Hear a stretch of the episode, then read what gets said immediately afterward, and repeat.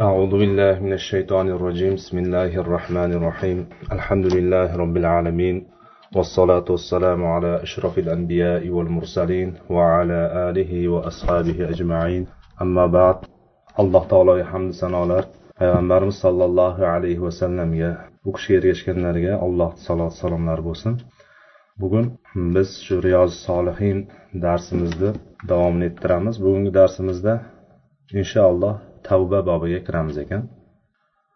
Ya'ni muallif rahimaulloh birinchi keltirgan bobi ixlos va niyat bobi edi. Ixlos va niyat bobidan keyin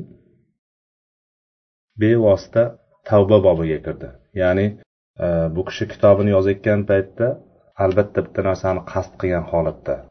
Bir narsani ya'ni oldiga bir e, reja qo'ygan holatda kitobni yozgan albatta. Bu narsaga har kim qilayotgan ishini reja bilan qiladi. Bu kishi ham kitobni yozayotganda balki shu ketma ketligini qo'yganki oxirigacha kitob shunaqa ketma ketlikda joylashtirilganki mo'min kishini hayoti shu navbatma navbat u kishini e, fikriga ko'ra o'zini tushunchasiga ko'ra shunaqa tartibga qo'yganki boshlanish niyat ixlos bilan boshlagan kishi buyog'i sekin sekin qo'shilib qo'shilib qo'shilib borib oxirida go'yoki jannatga hozir bo'lgan agar shu sifatlarni o'zimizda saqlab borsak hozirgi mana niyat bobini ixlos bobini o'tdik undan qanchalik foyda oldik qanchalik o'zimizga bir narsani oldik bu narsa har kimni o'zida qoladigan narsa alloh bilan o'rtasida alloh bilan o'zini o'rtasidagi sir bo'lib qolaveradi. Bu narsaga chunki hech kim aralasha olmaydi qalb amali bo'lganligi uchun. Mana shu narsa shunaqa bo'lib boradiki oxirida xuddi go'yoki jannatga hozir bo'lgan mo'minlar qanaqa sifatga ega bo'lgan bo'lishi kerak bo'lsa xuddi shunaqa sifatga olib borib taqaydi bu kishi. Mana shunga birinchi ya'ni biz niyatni o'rgandik ixlosni o'rgandik amallarda niyat shart ekanligini va amallarda qabul bo'lishligini shartlaridan bittasi va asosiysi bo'lgani ixlos kerak ekanligini o'rgandik. Endi haqiqatdan biz bu narsani o'rganganimizdan keyin ixlosimizni kam ekanligini ixlosda nuqsonlarga yo'l qo'yayotganligimizni niyatni to'g'ri qilmayotgan ekanimizda qancha qancha amallarimiz balki bekorga o'tib ketgan ekanligini bilgandan keyin mana bunga biz nima qilishimiz kerak? Tavba qilishimiz kerak. Shuning uchun ya'ni bog'laydigan bo'lsak bu tavba bobiga kirdik mana.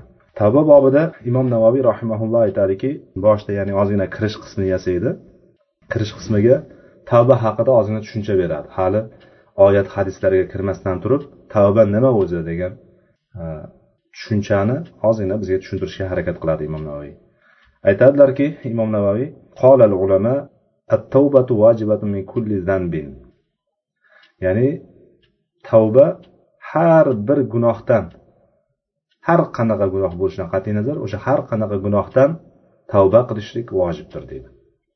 Agar ma'siyat qilingan gunoh banda bilan ya'ni allohni o'rtasida bo'ladigan bo'lsa ya'ni bironta bandani haqqiga birontasi boshqasiga tegishli emas faqat o'ziga tegishli gunoh bo'lsa ya'ni allohga gunoh qilyapti.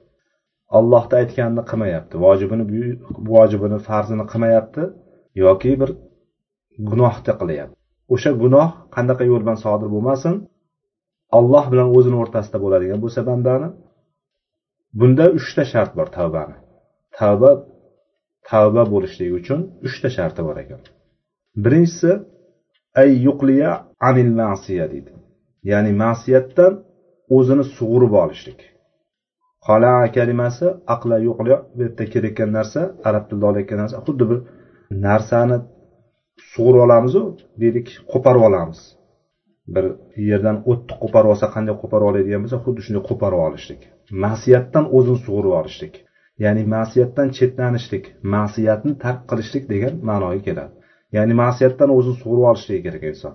Ma'siyatni ichida turib ya'ni bunday qo'polroq qilib aytadigan bo'lsak botqoqni ichida turib men botqoqdan toza bo'lyapman ya'ni shu loydan toza bo'lyapman degan kishini loydan toza bo'lolmaydi demoqchi. Ya'ni botqoqdan chiqish kerak o'zini sug'urib olish kerak buyoqqa botqoqdan quruq joyga chiqish kerak. Najosatni ichidan toza joyga chiqishlik kerak. Ya demak ma'siyatdan o'zini sug'urib olishlik kerak ekan. Ikkinchisi ayyandama ala fi'liha. Ya'ni o'sha ma'siyatda qilgan gunohini gunohi uchun nima qilish kerak? Qilgan gunohiga pushaymon bo'lishlik kerak. Nadomat qilishlik kerak. Pushaymon bo'lish kerak. Shuni qilgani uchun qalbidan ich ichidan bir narsa uni tirnab turishligi kerak. Vijdonini iymonini ichidan it tirnagandek tirnab turishligi kerak. Qiynalishligi kerak. Pushaymon bo'lishligi kerak. Shuni qilib qo'ydim. Eh deb turib ichidan achinib ichidan pushaymon bo'lib nadomat qilishligi kerak ekan. Va uchinchisi deyaptiki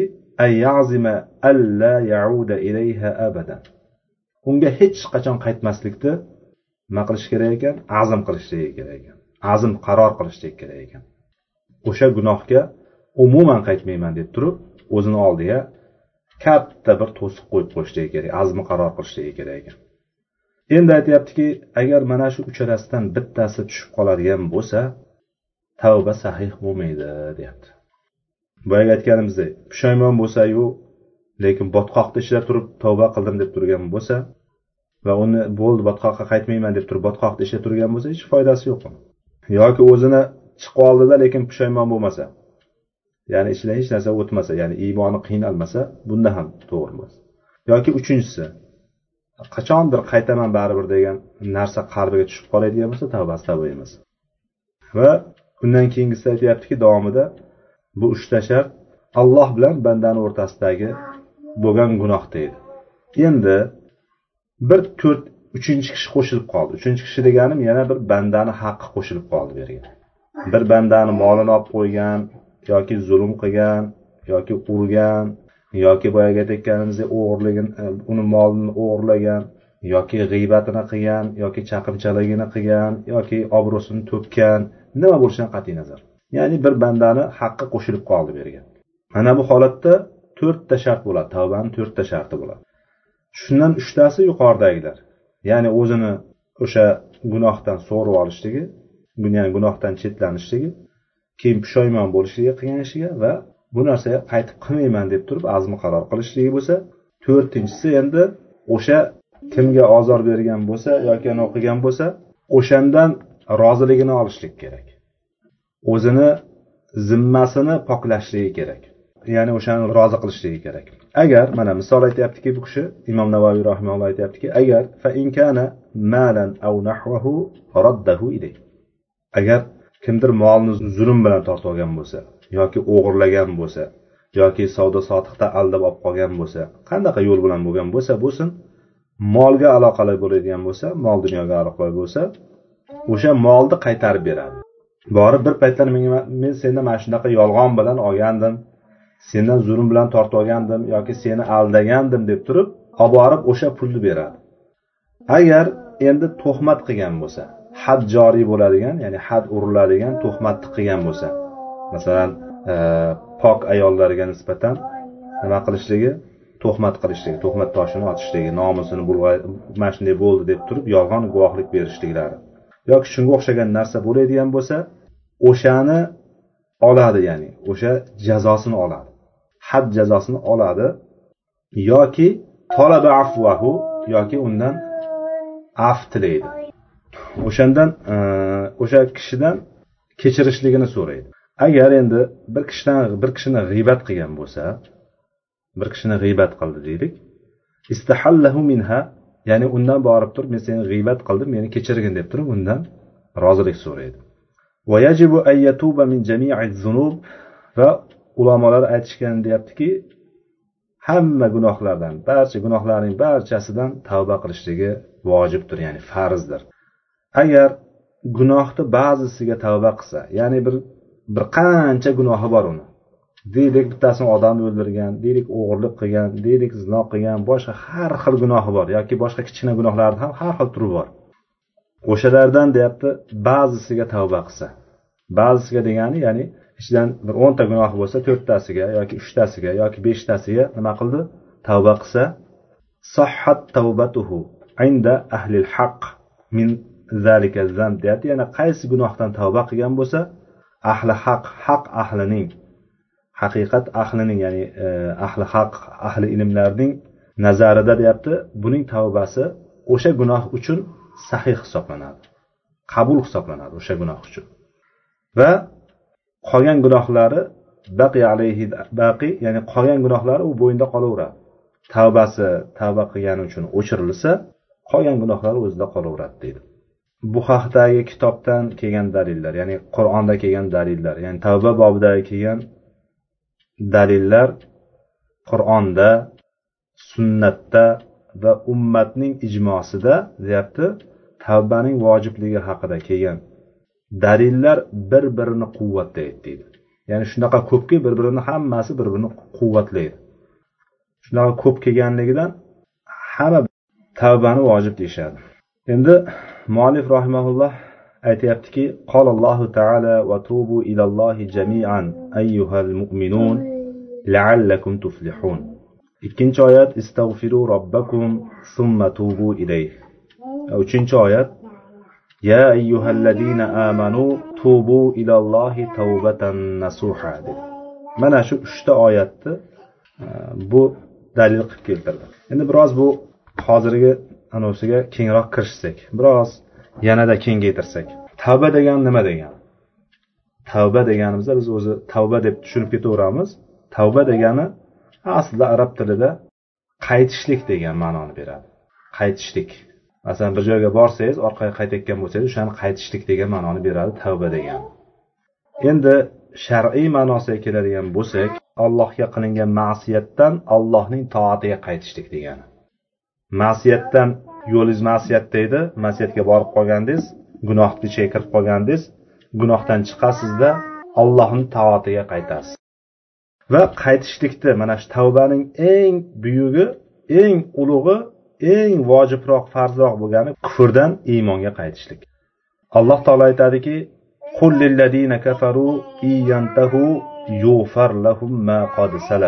alloh taolo aytadiki ayting ana kofirlarga aytingki agar ular qaytadigan bo'lsa to'xtaydigan bo'lsalar gunohlari kechiriladi. Qachon? Qaysi gunohlari? Ma qodisalaf o'tgan gunohlari kechiriladi. Demak birinchisi eng kattasi tavba qilinishligi kerak bo'lgan narsani eng ulug'i va eng vojibrog'i kufrdan qaytishlik ekan. Iymonga qaytishlik. Ikkinchisi bo'ladigan bo'lsa undan keyingi keladigani kabira gunohlardan qaytishlik. Kabira gunohlarga qilingan tavba. Va undan keyingisi uchinchi martabada turadigani kichkina gunohlardan tavba qilishlik ekan. Tavbani muallif rahimaulloh uchta shart bilan agar banda bilan allohni o'rtasida bo'lsa uchta shart va unga bir qo'shimcha yana qaysidir bandani haqqi qo'shilib qoladigan bo'lsa to'rtta haqqi bor to'rtta sharti bor deb turib aytib ketdi. Yana buni biroz kengaytiradigan bo'lsak birinchi o'rinda biz o'tdik nimani o'tdik? Birinchi niyat va ixlosni o'tdik. Shuning uchun tavbani sharti birinchi sharti ya'ni shartli ravishda beshta shart deb olishimiz mumkin ekan. Birinchi shart allohga ixlos qilishlik. Ya'ni qilayotgan o'sha tavbasida alloh taoloni yuzini xohlashlik alloh taoloni roziligini xohlashlik alloh taolodan savob umid qilishlik bilan o'sha narsani tark qilishlik bo'ladi o'sha tavba qilishlik kerak bo'ladi. Ya'ni odamlar ko'rsin yoki odamlarga shu narsani qilsam odamlarga yaqinlik hosil qilaman degan yoki mana shuni qilsam podshoni ya'ni shu amirni ta'ziridan qutulib qolaman degan narsa bilan qilishligi bo'lmaydi ya'ni. Bu yerda tavba kimdir deylik e, masalan agar islom davlati bo'ladigan bo'lsa islom hukmi yurib turgan bo'lsa aroq ichaydiganga aroqqa darrani haddi umar roziyallohu anhu joriy qilgan. Kimdir aroq ichib yuradi endi qo'rqyaptiki shu voliy bilib qolsa amir amir bilib qolsa menga had soladi had uradi deb turib tavba qildim deb turib tashlayapti. Nima uchun tashakkan bo'lyapti? O'sha darradan qo'rqib tashakkan bo'ladi. Ya'ni bu haqiqiy tavba hisoblanmaydi. Yoki bir kishi e, bir ishni qilyapti u bilan faqat odamlarni ko'rishligini yoki odamlarga yaqinroq bo'lishlikni qasd qilyapti. Inson o'zini doim tekshirib turishi kerak. Qaysi bitta amalni nima uchun qilyapti o'zi? Bir kishini ko'nglini olishlik uchunmi? Bir kishini rozi qilishlik uchunmi? Bir kishi ha bunday ekan desin uchunmi? Mana bu narsa biz birinchi bobda o'tdik bu narsani. Ixlos va niyat bobida o'tdik bu narsani. Inson doim tekshirib turishligi kerak. O'ynamaylikki ruschasi aytganda shustri deydiyu shustrilik qilaman demaylik qalb amallarida chunki alloh taolo bizni qalblarimizni ichida yotgan o'y xayollarimizni biladi. Innahu alimun sudur. Biz o'zimizni tashqi ko'rinishda har qanaqa qilib turib chiroyli qilib ko'rsatmaylik yoki har qanaqa o'zimizni boyagi aytayotgandek bilimdon qilib yoki boshqa qilib turib har xil holatda o'zimizni har xil tusga kirmaylik. Hamilyon deydiyu. Bu yoqda bunday tusda bu yoqda boshqacha tusda ya'ni rangi o'zgaradigan hamilionga o'xshab turib har xil tusga kirsak kirmasak alloh taolo bizni qalbimizdagini juda yaxshi bilib turadi va qalbimizga ko'ra hisob kitob qiladi. Shuning uchun doim tekshirib turishligimiz kerak. Qilayotgan ishimizda har bir ishimizda nima maqsad qilyapmiz? O'sha maqsadimizga ko'ra biz jazo olamiz yoki mukofot olamiz? Biz nima niyat qildik? Bir kishiga deylik qo'shnimizga yoki boshqaga bir taom olib chiqdik. Nima niyatda olib chiqdik? Agar niyatimiz o'sha meni yaxshi ko'rsin yoki menga yaxshi muomala qilsin yoki boshqa qilsin degan maqsadda olib chiqayotgan bo'lsak o'sha niyatimizga yetamiz. Lekin alloh taolo qo'shnichilikda aloqasini bog'langlar degan narsani qalbimizga solib turib allohni buyrug'i bu deb turib olib chiqadigan bo'lsak bunga ham o'zimizni niyatimizga yarasha olamiz. Kimdirga o'zimizni qanday ko'rsatishni xohlayotgan bo'lsak o'shanga yarasha olamiz mukofotini yoki jazosini. Mana shu narsaga qarab turib biz har doim o'zimizni qalbimizni tekshirib turishimiz kerak. Chunki eng katta narsa o'zimiz o'zimizni nafsimiz. Eng katta dushmanimizdan bittasi o'zimizni nafsimiz. Nafsul ammora ya'ni o'zini boyagi bur chaqirib turadigan tinimsiz har xil narsalarga chaqirib turadigan buyuruvchi tinimsiz insonni boshqa har xil ishlarga alloh toatidan burishlikka buyurib turadigan nafsimiz bor. O'sha nafsimiz bilan biz o'zimiz doim kurashishimiz kerak va o'zimiz doim qalbimizni tekshirib turishimiz kerak. Chunki qalb masalasi yuqori yana qaytarib aytaman qalb masalasi shunday masalaki alloh bilan o'zimizni o'rtamizda sir. O'zimiz bilamiz ichimizda hali birov sen shundaysan demasidan oldin o'zimiz bilib turamiz ha men shunaqa ekanman degan narsani o'zimiz bildirib qo'yamiz. Chunki qayerdan bilamiz? Chunki alloh taolo hech kimni jonini olmaydi yoki hech kimni bo'yniga bir narsani qo'yib qo'ymaydi hattoki o'zini kim ekanligini o'ziga bildirib qo'ymagunicha o'zimizni kim ekanligini o'zimiz juda yaxshi bilamiz. O'zimizni qanday makkor ekanligimizni yoki o'zimizni qanday aqlli ekanligimizni yoki o'zimizni qanday iymonli ekanligimizni o'zimizni qanday nima ekanligimizni o'zimizga alloh taolo bildirib qo'yaveradi. Hali birov aytishligi shart emas. Chunki hamma narsa o'zimizni qalbimizni ichida ko'milib yotibdi. Bilmayotgan bo'lsak mana shu narsani bilishlikka harakat qilishimiz kerak. O'zimiz tinimsiz hisob kitob qilishligimiz kerak.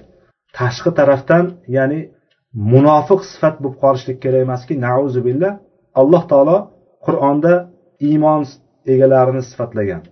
Iymon egalarini sifatlagan. Kufr egalarini sifatlagan. Ya'ni mo'minlarni sifatlagan kofirlarni sifatlagan. Lekin mo'minlarni ham kofirlarni ham sifati qisqa kelgan. Ya'ni bunday olib qaraydigan bo'lsak tasavvur qilsak bir betni yarmiga ham bormaydi deylik.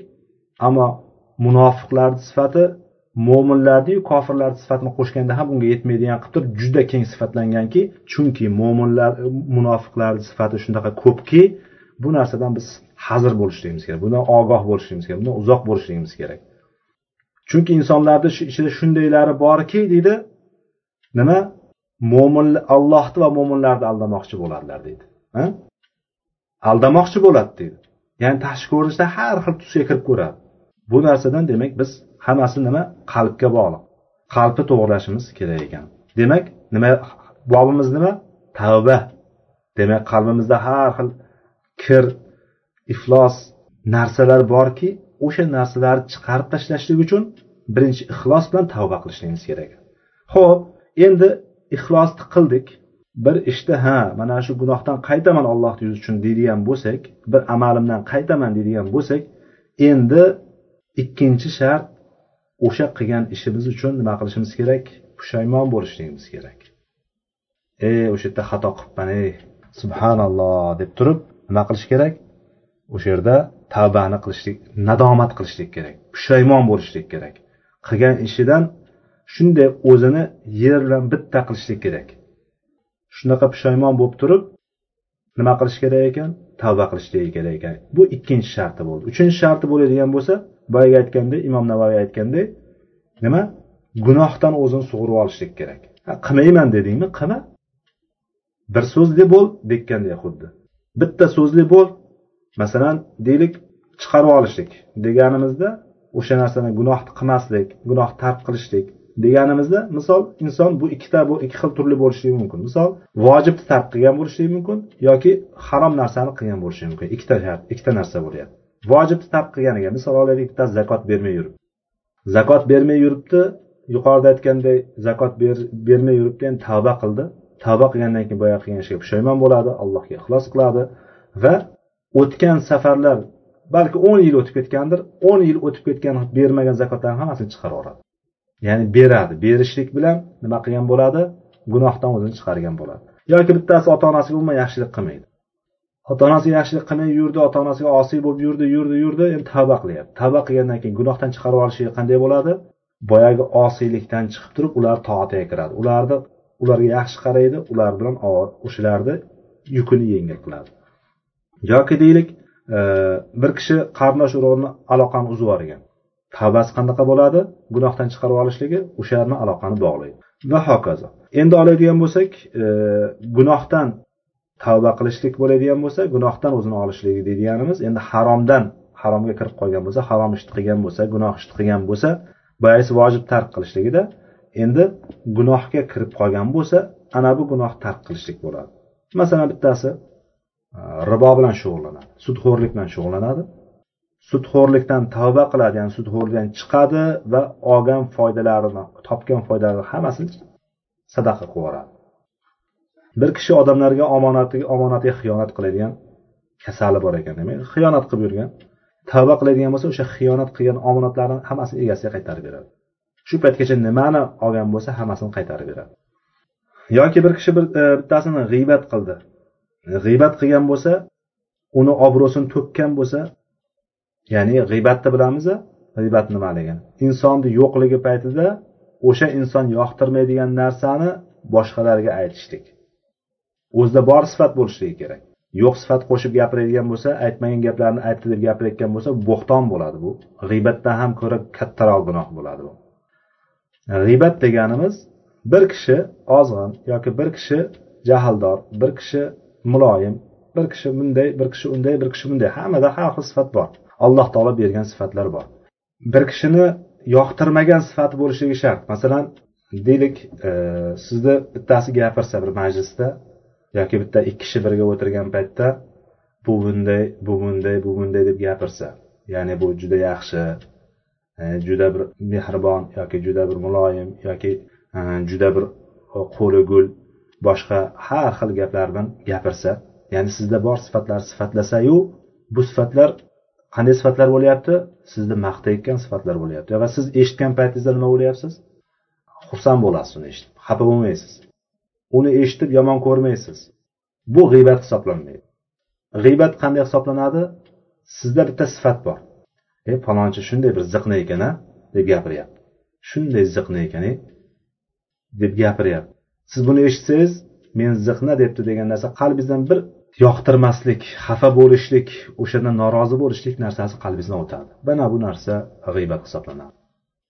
Ya'ni kishi eshitgan paytda o'zi haqida aytilgan narsa eshitilgan paytda xafa bo'ladigan yoqtirmaydigan narsa gapirilsa demak bu narsa g'iybat hisoblanadi. Bor sifati bo'lishligi sharti bilan. Mana shunaqa bo'ladigan bo'lsa demak e, bu narsaga tavba qiladi tavba qilishligi boyagi aytgandek birinchi nadomat qiladi ixlos qiladi alloh taologa tavba qilaman bu narsani deb turib ikkinchi nadomat qiladi uchinchi mana shu g'iybatdan tiyiladi. Hozir g'iybatni yana sal kengaytiramiz. Endi qaranglar bir gunohdan qaytib olishlik degan masalada bir gunohdan chiqishlik degan masala. Agar bir kishi inson tavba qildim deb pushaymon bo'ldim tavba qildim deb turib o'sha gunohga yana qaytib qiladigan bo'lsa bu narsa o'ta tahlikali bir narsa. Tahlikali deganim xuddi allohni masxara qilayotgan odamga o'xshaydi. Allohni masxara qilayotgan odamga o'xshaydi. Masalan deylik sizni yoningizda qo'lingizni ostida hozir farzandlarimiz bor endi. Bizni farzandlarimiz bor bizni qo'limizni ostida ishchilar yo'q boshqalar yo'q bilolmaymiz farzandlarimiz bor deylik.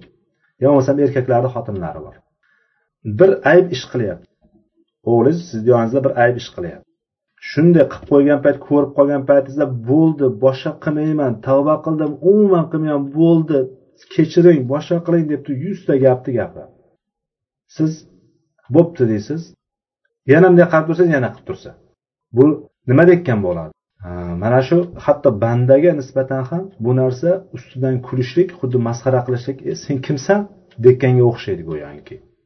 Men bilganimda qilaveraman dekkanga o'xshaydi. Ham aytaveraman ham qaytaveraman ham dekkanga o'xshaydi. Xuddi shu narsa allohga nisbatan ham bo'lib qoladi. Nauzubillah alloh saqlasin bu narsadan hammamizni. Ya'ni go'yoki inson bitta tavbadan bitta narsadan qaytdim deydida yana qilaveradi. Yoki qaytdim deb pushaymon bo'ldim deydida lekin qalbida turadiki nima? Nima turadi qalbida? Qachon bir imkoniyat topilib qolsa bir yo'l ochilib qolsa o'shani qilaman degan narsa qalbida turadi. Bu narsa xatardir. Bu narsa allohni xuddi ollohga nisbatan shu narsada istehzo qilayotgan masxara qilayotganga o'xshab ketadi bu narsa. Masalan keyin boyagi bir hadis borku hadisda aytiladiki zamon buzilib ketdi deb aytgan odamni ya'ni hozir zamon buzilib ketdi bunday bo'lib ketdi odamlar bunday bo'lib ketdi deb aytayotgan odamni o'zi birinchi buzilgan bo'ladi deydi. Bu hadis tagida katta katta hikmatlar bor. Ya'ni e odamlar hozir bunaqa bo'lib ketdi odamlar bunaqa bo'lib ketdi deb gapirayotgan odamni birinchi o'rinda o'zi o'sha o'rinda bo'lib qolishi ehtimoli yo'q emas. Mana shayx aytyaptiki ibn usaymiy rahimalloh aytyaptiki odamlarni o'rtasida bir shunday odamlar o'tirib qoladiki bir g'alati bu haqiqatdan bir juda bir g'alati bir narsaki odamlar bir o'tirib qolgan paytda aytadiki bittasi nima? Odamlar ichidan hozir deydi hamma shu sudxo'rlik bilan ribo bilan shug'ullanayotganligidan malomat qilib nolib boshlaydi deydi. Noliydi hamma bunaqa bo'lib ketdi. Hozir shug'ullanmayotgan qolmadi kredit karta ishlatmayotgan qolmadi bunaqa qolmadi undaqa qolmadi deb turib e, nolaydiyu lekin o'zi o'sha ishni qiladi. O'zi o'sha ishni qilib turadi. Ya'ni shunaqa deb turgan odam o'zi shu narsani ishlatadi. Kredit oladi hamma narsani taksitga oladi boshqa qiladi mana shunaqa. Yoki bittasi e hozir hamma g'iybat bo'lib ketdi hamma g'iybat qiladi. Insonlarni go'shtini yemagan qolmadi. Odamlar hammasi g'iybat qilyapti deydiyu lekin eng ko'p g'iybat qiladigan alloh saqlasin o'shani o'zi bo'ladi. Ya'ni hozir hech kimga ishonib bo'lmay qoldi. Hamma yolg'onchi hamma omonatga xiyonat qiladi hamma bunday hamma bunday hamma bunday deb turib mana shunaqa gapirayotganlarni o'zi o'sha omonatga eng ko'p xiyonat qiladigan odamni o'zi o'sha bittasi o'sha bo'ladi deydi. Ya'ni alloh saqlasin bizdan mana bu narsa gunohdan tavba qilishlik degani o'sha narsani to'liq chiqishlik degani. Endi g'iybatni olimlar ikki xil narsani aytadi. Olimlarni fikri bor ba'zilar aytadiki borsinda tavba borib turib aytsin deb men seni g'iybat qildim mana shunaqa mana shunaqa mana shunaqa dedim meni kechirgin dedi. Misol u nimani talab qilsa shunga qarab turib masalan deyishligi mumkin men seni kechirmayman borib turib o'shalarni huzurida meni oqlaysan o'shandan keyin men seni kechiraman deyishligi mumkin unga haqli bu narsa o'sha talabini qondiradi. Yoki aytadiki mana shu mana shunday mana shunday mana shunday qilding buni evaziga menga mana shuncha pul berasan deyishligi ham haqqi bor. O'shanda o'sha pul bilan bo'lsa ham uni zimmasini nima qiladi? O'zini gunohini shu dunyoni o'zida yuvishligi kerak bo'ladi deydi. Ba'zi olimlar aytadiki yo'q deydi. Bunda biroz kengaytirib tafsilot bilan qarashimiz kerak deydi. Batafsil qarashimiz kerak deydi. Ya'ni agar deydi g'iybat qilingan odam g'iybat qilinganini va nimalar deyilganini bilib qolsa borish kerakda o'shani roziligini olishlik kerak deydi. Bilmaydigan bo'lsa deydi unga borishlik kerak emas deydi. Ochilmagan bo'lsa kimdir g'iybat qildi lekin unga yetib kelmadi. Hozirgi kunda yetib kelmaydigan narsa qolmadi shekilliyu lekin misol yetib kelmadi deyapti. Oldinlari balki yetib kelmagandir hozir gapirmasdan turib yetib keladi narigi odamni qulog'iga yetmasdan turib gapirilgan odamni qulog'iga yetib keladigan bo'lib qolgan hozir. Alloh isloh qilsin hammamizni demak o'shanday bilinib qol bilinmaydigan bo'lsa bormasinda deydi. Yana o'shanday majlislarda uni haqqiga istig'for aytib mag'firat so'rab alloh taolodan va uni boshqa yaxshi sifatlarini aytib turib uni to'g'irlasinki deydi o'shan bilan yuvilib ketadi deydi. Endi bu yerda bir hadis keltirgan ekan ibn usaymi rahimalloh lekin bu hadis zaif deb turib chiqargan ekan. Ala kulli hal aytgan ekanki bu hadisda kim bir kishini g'iybat qilib qo'ygan bo'ladigan bo'lsa o'shani kafforati g'iybatini kafforati uning haqqiga istig'for so'rashligi uni haqqiga mag'firat so'rashligi degan hadisni keltirgan ekan. Lekin bu hadis zaif ekan. Zaif bo'lgan narsani hukmi olinmaydiyu lekin bunday olib qaraganda bitta gunoh qilib qo'ydingiz. Boyagi aytayotgandek uni haqqini yeb qo'ydingiz boyagi aytayotgandek haqqini yeb qo'ydingiz degani pastga urib yoki bir yomonlab boshqa anavlar bilan uni e, kamsitib boshqa qilib turib qo'ydingiz. Ya'ni g'iybat qildingiz. G'iybat qilgandan keyin uni yuvishni yo'li borib aytadigan bo'lsangiz u sizdan u hozirgi kunda masalan o'zimni tajribamdan aytamanki men senga shunaqa dedim degan paytda to'g'ri qabul qiladiganini ko'rmadim shu paytgacha. Ya'ni albatta xafa bo'ladi o'shanda. Kerak bo'lsa yuz ko'rmas bo'lib ketadi. Uni to'g'ri niyat bilan qilayotgani tavba qilayotganligi yoki o'shani e, kelib turib shunaqa qilib qo'ydim meni kechir deyotganligini unutib yuboradida meni shunaqa dedingmi? degan narsa bilan uni qalbiga boyagiga nisbatan nafrat boyagi nisbatan ko'rolmaslik meni shunaqa debdi bunaqa debdi deb turib o'zini mana shunaqa holatga solib oladi inson. Mana shunaqa holatga borib qoladi. Shuning uchun demak bilmagan bo'lsa eshitib yetib bormagan bo'lsa o'shani haqqiga istig'for aytganligi vallohu alam to'g'riroq mana shu olimlarni fikriga men ham qo'shilaman. Agarki hadis zaif bo'lgan bo'lsa ham zaif bo'lsa ham nima bor ekan demak? Qayerdadir bor balki balki sahih chiqib qolar bu. Bu narsani qiyomatga borganda bilamiz lekin hozir zaif bo'lib turgan bo'lsa ham bir odamni ya'ni payg'ambar sallallohu alayhi vasallamdan boshqa odamni gapini olishlikdan ko'ra zaif hadisni olishlik afzalroq aslida. Chunki boshqa odam hech kim emas. Vahiy kelib turmagan unga boshqa qilib kelib turmagan. Lekin zaif bo'lsa bir hadis o'sha zaif hadisga bir amal qilishlik nima? Boshqa odamlarni gapidan ko'ra baribir afzal hisoblanadi. Endi bu yerda hadisga amal qilyapman degan maqsadda emas zaif bo'lganligini e'tibor bilan hukm olinmaydi deyapmiz. Zaif bo'lgan e'tibori bilan emas boyagi haqiqatdan tajriba bilan asoslantirib ko'radigan bo'lsa tajribaga asoslantirib ko'radigan bo'lsa o'sha narsani qilganlik afzal bo'ladi. Uni haqqiga istig'for aytib yoki xuddi o'sha majlisda boshqa paytda o'sha boyagi qilgan xatosini boshqa tarafdan yuvib ketadigan maqtab qo'yishligi bilan demak bitta xatoni o'rniga bitta narsa nima? Innal hasanat yuzhibna sayyiat oyatiga amal qilgan holatda ya'ni yaxshiliklar yomonliklarni ketqizadi degan oyat bor. Innal hasanat yuzhibna sayyiat. Demak bitta xato qilib qo'ysangiz orqasidan bir o'shani yuvib yuboradigan bir yaxshilik qilasiz. O'sha bandani haqqi bo'ladigan g'iybat bo'ladigan bo'lsa ham o'sha g'iybatni o'rnini qoplaydigan nima? G'iybat bittasini kamsitishlik bittasini obro'sini to'kishlik bo'ladigan bo'lsa endi obro'sini ko'tarsangiz o'shani qarshiligi bo'ladi ya'ni. O'shan bilan inshaalloh yuvilib ketadi. Demak alloh taolo bizni saqlasin avvalo bu g'iybatdan.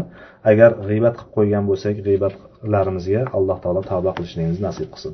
Ho'p demak to'rtinchi sharti o'sha narsaga kelajakda umuman qaytmaslikni nima qilishlik? Azmi qaror qilishlik. Qat'iy qaror qilishlik. Qat'iy qaror degani bir xillar masalan puldor bo'lib turgan payti gunohlarni qiladi. Masalan puldor bo'lib turgan paytlari masalan misollar keltiriladi. Har xil ko'p eshitganmiz. Masalan e, shu saudiya territoriyalarida aroq ichishlik masalan aroq sotishlik aroq ichishlik mumkin emas. Ya'ni o'shani jazosi bor. Va fohishabozliklar ham masalan juda katta narsa hisoblanadi. Gunoh o'shani nimalari bor jazolari bor. O'sha narsani qilishlik uchun ya'ni e, ba'zilar kerak bo'lsa o'sha o'zi erta masalan ichki dunyosini bilmaysizu lekin tashqarida hamma nimada yuradi? Hijobda yuradi. Yuzini ham ko'rmaydi ko'rsatmaydigan ko'zini ham ko'rsatmaydi hijobda yurishadi. Odamlar shunaqa tabiatdagi insonlar borki nauzubillah alloh saqlasin shu o'shalarni ochiq yurishini xohlaydigan tabiatdagi insonlar bo'ladi. Ya'ni o'sha narsani qalbi tusaydi o'sha gunohni xohlaydi va puldorlarni aksariyati aksariyat emas alloh saqlasin aksariyat emas endi bor shunaqalar demoqchiman. Shunaqa puldorlari bor ekanki o'sha gunohlarni qilishlik o'sha gunohlardan lazzat olishlik o'shani ochiq sochiq ko'rishlikni xohlash uchun chet ellarga safarga chiqadi oylab masalan chiqib o'sha qalbidagi gunohini o'sha yerda borib qondirib keladi. Fohisha ishini qiladimi ichkiligini ichadimi nima qilsa o'sha yerda qilib keladi. Endi mana shunday bittasi. Qaytib kelgan paytda puli yo'q krizisga uchradi yoki bir shirkati shirkati ishi yurmay qoldi boshqa bo'lib qoldi qashqa bo'lib qoldi nima bo'lsa bo'ldi. Oxiri puli nima bo'ldi? Puli qolmadi. Endi chiqib kelolmaydi men tavba qildim deb qo'yishligi agar haqiqatda pushaymon bo'lmasdan yuqorida gunohdan o'zini sug'urolmasdan ixlos qilmasdan turib endi tavba qildim deb qo'yadigan bo'lishligi bu ojiz kishini tavbasi deyiladi. Qilolmaganligi uchun shu narsani tavba qildim deyishligi bu ojiz kishini tavbasi. Qachondir qo'liga pul tushib qolsa yana shuni qilaman degan narsa qalbida turadi. Ich ichida yotadi unisani ya'ni tili bilan aytayotgan narsasini qalbi yolg'onlab turadi o'zi. Qalbi yolg'onga chiqarib turadi. O'sha kishilar tavbasi qabul emas. Shunaqa deb turib tavba qildim endi. Qilolmay qolgandan keyin tavba qildim deyishligi qachondir lekin qalbida turadi o'sha narsani. O'rni kelganda qilib yuboradi shu narsani. Alloh saqlasin.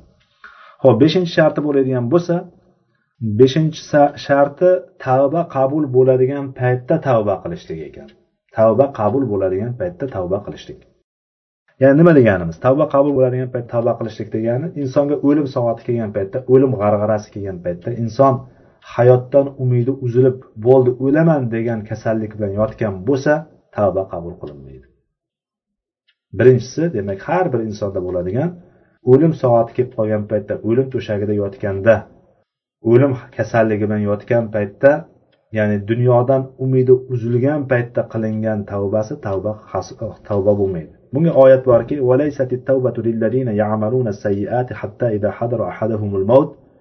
qala inni an dedi.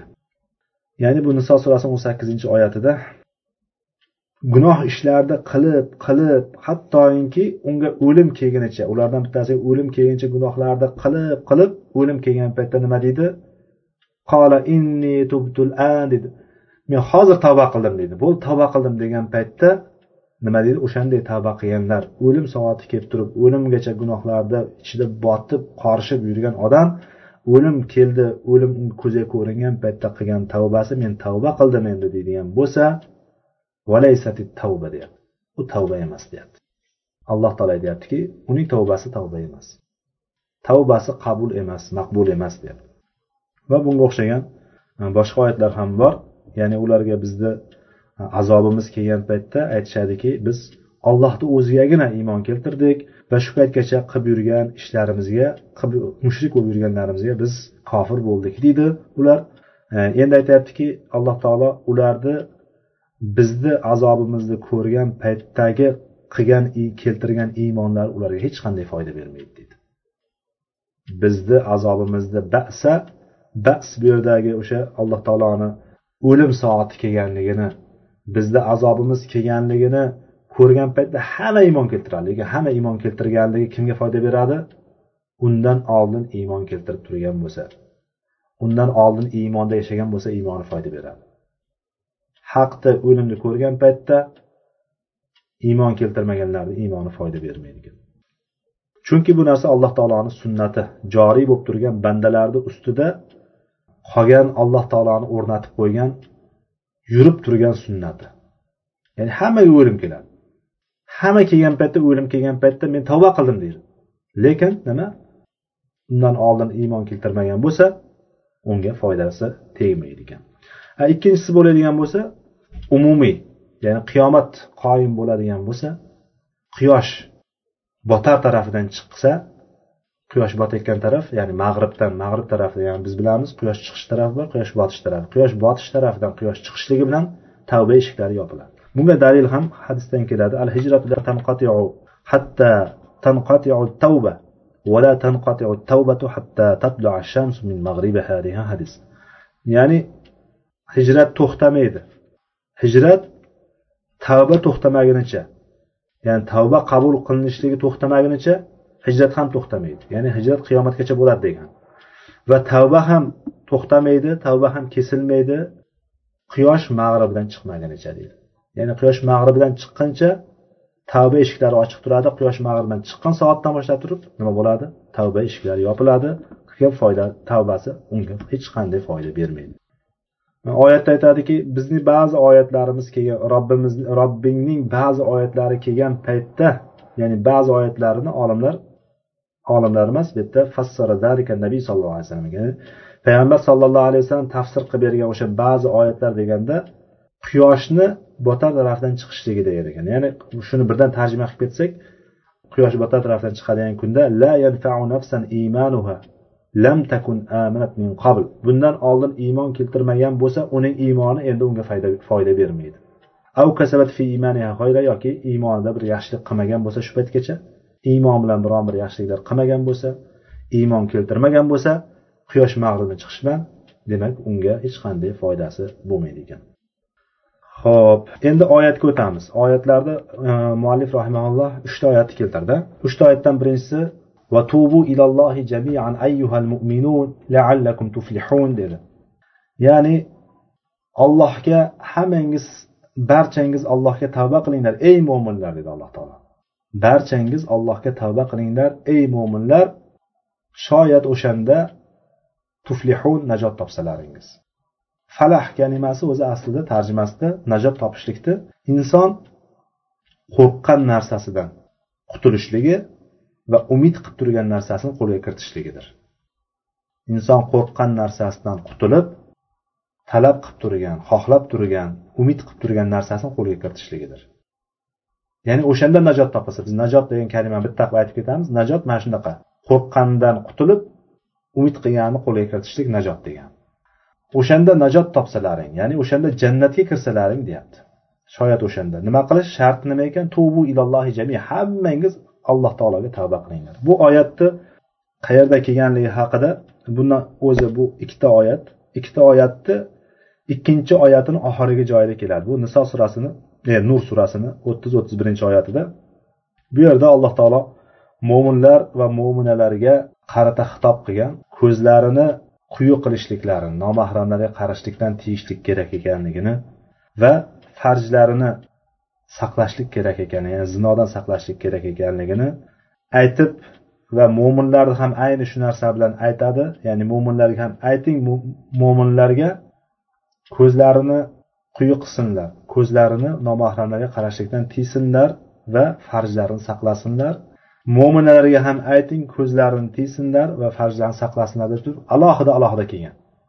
Erkaklarga ham alohida ayollarga ham alohida kelgan oyatning oxirida o'sha aytayotgan joyida mana shu tubu ilallohi jamian deydi. Hammangiz allohga tavba qilingiz. Ey mo'minlar shunda najot topsalaring deydi. Mana shu haqiqatda kerakgan narsa bu ko'zni saqlashlik ko'zni tiyishlik eng katta narsalardan bittasi bo'lib ham hozirgi kunimizda. Chunki bu yahud nasoro mushriklar biladiki o'sha eng katta fitna qayerdaligini bilishadi ular bilib turib mana shu narsani hamma tomonni fitna qilishlikka harakat qilishadi. Chunki oyatda borki ular yarifunahu kama yarifuna abnaahum o'g'il farzandlarini o'g'illarini qanday tanisa uni ham shunday taniydi degan paytda ba'zilar islom dinini shunday biladi deb aytganlar. Ba'zilar payg'ambar sallallohu alayhi vasallamni shunday biladi deganlar ba'zilar qur'onni shunday biladi degan. Ya'ni mutlaq olgan paytda demak ular islomdagi nimalar buyurilgan nimalardan qaytarilgan mana bu narsalarni va payg'ambar sallallohu alayhi vasallamni oxirgi payg'ambar ekanligini juda yaxshi bilishgan ular. Juddalarda yaxshi bilishganligidan hatto o'g'il farzandini qanday taniydi inson? Xuddi o'shanday tarzda taniydi deb turib alloh taolo guvohlik berib aytgan mana shuning uchun ular bizni hamma tomondan fitnalantirishlikka harakat qilishadi. Odamlarni ochiq sochiq yurishlikka teng huquqlikni o'rtaga chiqarib har xil fitnalarni solishlikka erkakni ayol bir xil huquqda uni hech qanday kamsitish kerak emas bu demokratiya bunisi bunaqa bunisi bunaqa deb turib hamma narsani olib kelib turib hatto boshliqlarni ham ayollardan bo'lishligi yo bo'lmasam deputatlarni ham ayollardan bo'lishligi buni bunaqa qilishligi buni haqqi bor bunisi bunisi bor bunisi bor deb turib hattoki boyagi aytayotgan ibodatdagi musulmon ayollar ham o'zini haqqini talab qiladigan bo'lib ketib qolishdi. Go'yoki u haqqim deb biladi vaholanki o'zini chegarasi bor haqqi bor o'zini to'g'ri haqqi bor. Islom ayollarni e, hech qaysi tuzum hech qaysi bir jamiyat ayollarni ulug'lagandek ayollarni islomchalik ulug'lagan bironta jamiyat yo'q aslida. Lekin shunday bo'lishiga qaramasdan bular mana shunaqasiga olib keladiki bu bilan nima ayollarni fitnalantirishlik.